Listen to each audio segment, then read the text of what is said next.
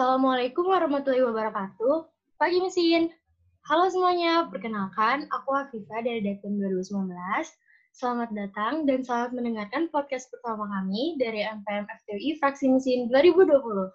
Nah, topik perbincangan kita hari ini, kita bakal ngebahas tentang DNIKM. Dan narasumber kita hari ini ada Bang Faril dari Kapal 2017. Halo Bang Faril. Yo, halo. Gimana Bang kabarnya hari ini? Alhamdulillah baik-baik aja, sehat walafiat. Alhamdulillah. Ayo Bang, kalau boleh tahu Abang lagi sibuk apa nih di Confident? Di Confident, di Confident sih sebenarnya lagi sibuk ya menjalani uh, kesibukan yang ada uh, kayak mengawasi masih mengawasi lembaga gitu, bagaimana sistem keuangannya mereka. Karena kan uh, selama masa pandemi ini uh, lembaga lagi kesulitan banget nih terkait bagaimana uh, realisasi keuangannya mereka maupun dari segi uh, pemasukan dari proker-proker mereka. Dan kita sebenarnya masih menunggu bagaimana kejelasan di semester depan nanti apakah akan dilaksanakan PJ, PJ lagi atau enggak karena itu yang akan mempengaruhi banget terkait keuangan yang ada di IKMFT tentunya gitu. Jadi kita masih mempersiapkan bagaimana bagaimana kemungkinan uh, terkait segi keuangan buat persiapan nanti uh, untuk IKMFT di semester depan gitu. Gitu sih paling kita sibuknya ya itu hmm. di confident gitu. Ya kurang lebih sibukannya abang sekarang kayak gitu ya bang ya? Hmm, gitu lah. Oke nih bang, sebelum aku tanya-tanya lebih jauh nih, aku mau nanya nih bang, uh, pencairan dana dekanat buat proker atau lomba tuh sama nggak sih bang sama pencairan dana IKM? Uh, Sebenarnya kurang lebih sederhananya sama, sama. Tapi yang bikin beda kan kalau kita pengen dana dekanat ya uangnya dari dana dekanat, sedangkan kalau dana IKM ya uangnya dari dana IKM. Untuk mekanismenya sendiri tuh kita juga punya deadline-deadline tertentu gitu.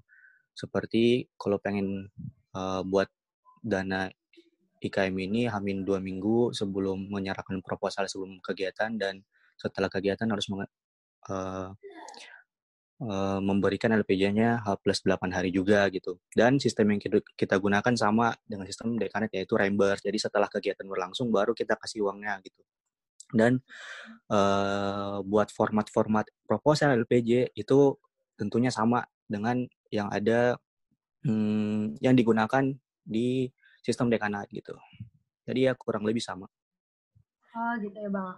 Oke nih bang, mungkin teman-teman di luar sana tuh pada kurang tahu nih bang, dana IKM itu apa sih bang? Terus kenapa kok bisa ada dana IKM ya? Oh iya.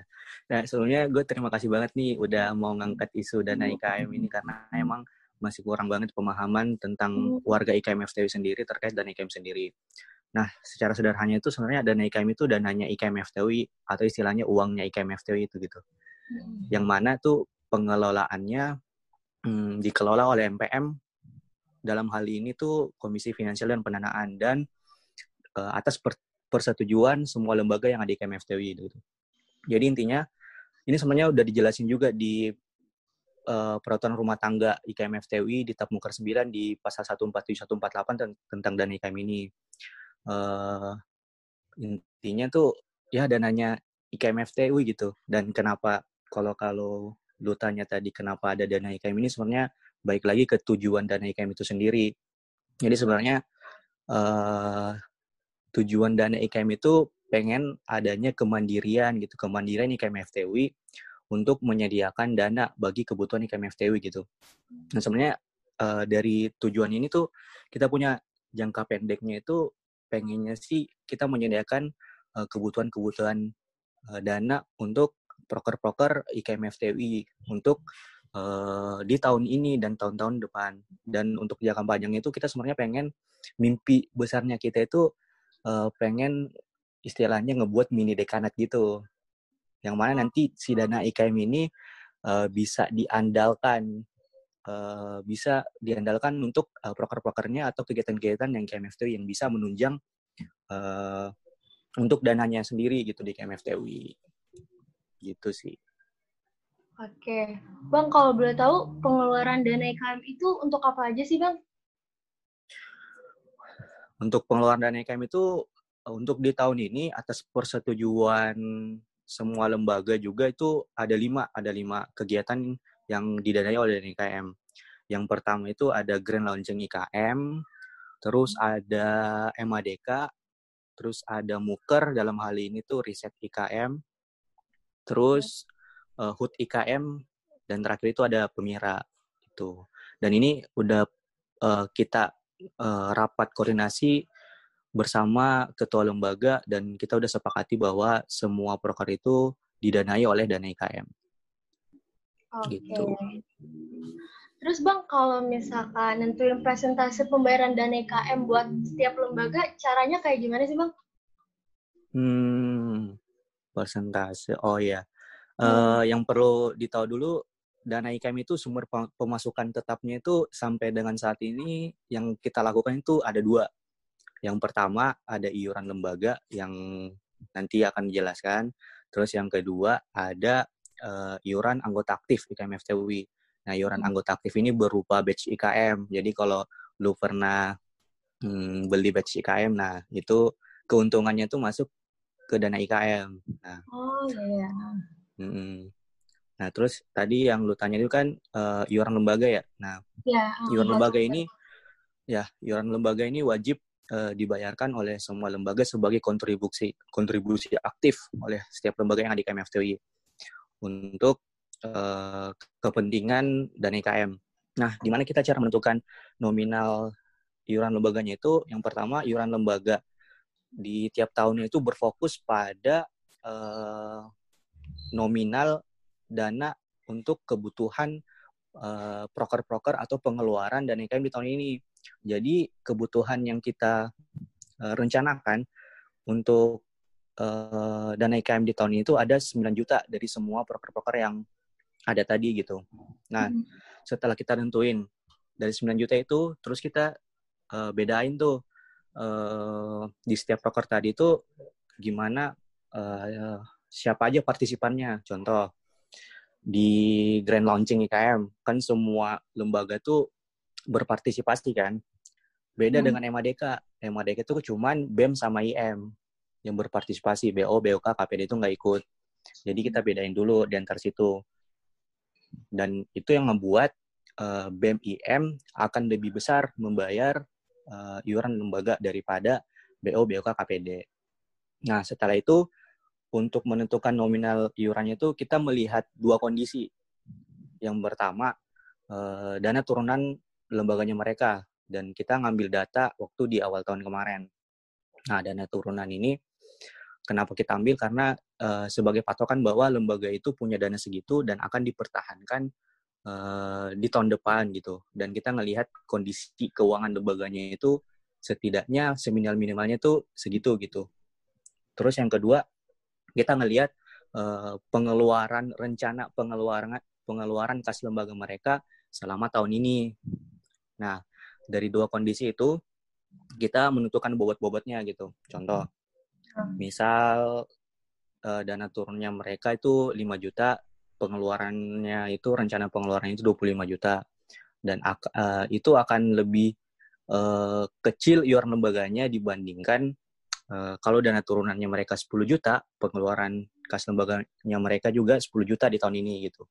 Jadi semakin besar dana turunannya mereka, semakin besar iuran lembaganya dan semakin uh, kecil pengeluaran kas lembaganya semakin besar juga dan iurannya gitu. Itu simpelnya sih gitu. Terus Bang, kalau misalkan sebuah lembaga nih pengen pinjem dana ke IKM, itu diperbolehkan nggak sih Bang? Nah, boleh banget. Sebenarnya itu uh, kita udah ada aturan, aturan turunan uh, dari Tapmuker yaitu ketetapan tentang ketetapan dana IKM.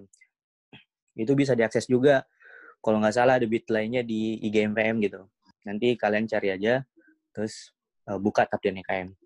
Nah, yang penting uh, kalau pengen minjem itu boleh lembaga, boleh orang, boleh lembaga, boleh orang, bebas saja. Yang penting uh, ada mekanismenya di situ. Singkatnya mekanismenya uh, lembaga lembaga ini tuh membuat surat permohonan untuk peminjaman gitu uh, diserahkan ke uh, MPM dalam hal ini confident. diserahkan ke MPM selambat-lambatnya hamin 30 sebelum kegiatan. Setelah Hmm. itu si MPM ini akan membahas dulu apakah si uh, proker atau kegiatan itu bisa dipinjami atau enggak. Setelah itu kita lempar ke lembaga-lembaga apakah setuju atau enggak kalau misalnya hmm, dana IKM ini dipinjam oleh uh, lembaga tersebut. Setelah setuju, kalau misalnya setelah setuju, nah balik lagi uh, kita ngasih duitnya itu di awal sebelum kegiatan itu mulai. Jadi kita kasih duitnya dulu, baru mereka uh, nyerahin proposal sama kayak kalau misalnya pengajuan dan IKM juga, mereka ngasih proposal uh, dan nanti setelah kegiatan ngasih LPJ. Nah, yang bikin bedanya kalau misalnya pengen minjem, uh, si lembaga itu harus membuat alir keuangan setiap bulannya yang kita bisa kontrol dan dan itu wajib dilakuin gitu dan istilahnya membuat cash flow yang akan dikirimkan ke kita dan kita pantau lihat situ bagaimana sistem keuangannya uh, mereka dan uh, untuk pembayarannya pembayaran peminjaman itu dilakukan maksimal H plus 8 setelah kegiatannya gitu. Itu simpelnya kayak gitu. Cara mungkin mekanisme peminjamannya seperti itu kita emang ya? Iya. Uh. terus kalau misalnya dana IKM tuh ada timelinenya gitu nggak sih bang?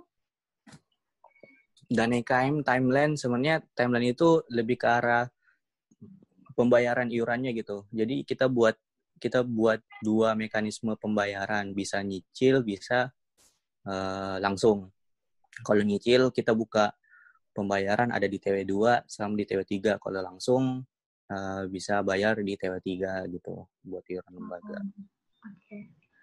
Terus kalau misalkan gini bang, ada lembaga hmm. yang nggak bayar dana IKM, dari MPMS sendiri khususnya confident memperlakukan sanksi nggak sih bang? Iya sanksi.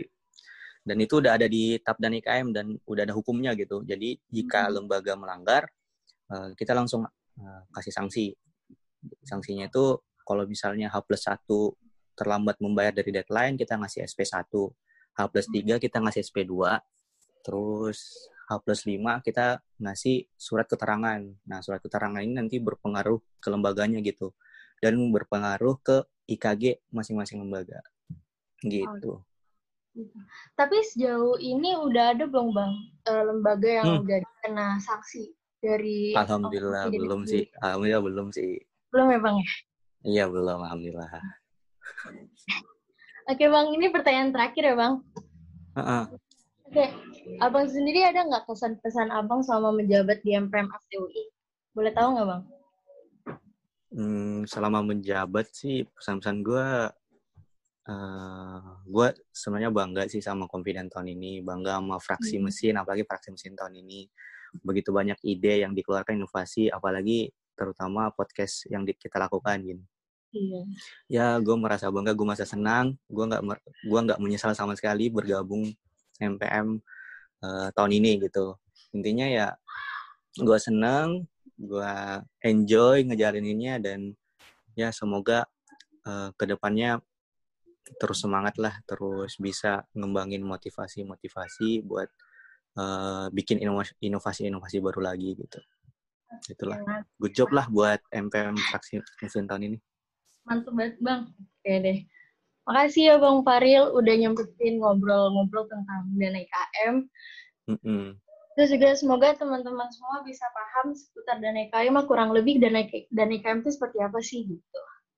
Mm. oke okay deh sekian teman-teman semua tes MPM FTW fraksi musim 2020 ini sampai ketemu lagi di podcast selanjutnya ya Assalamualaikum warahmatullahi wabarakatuh.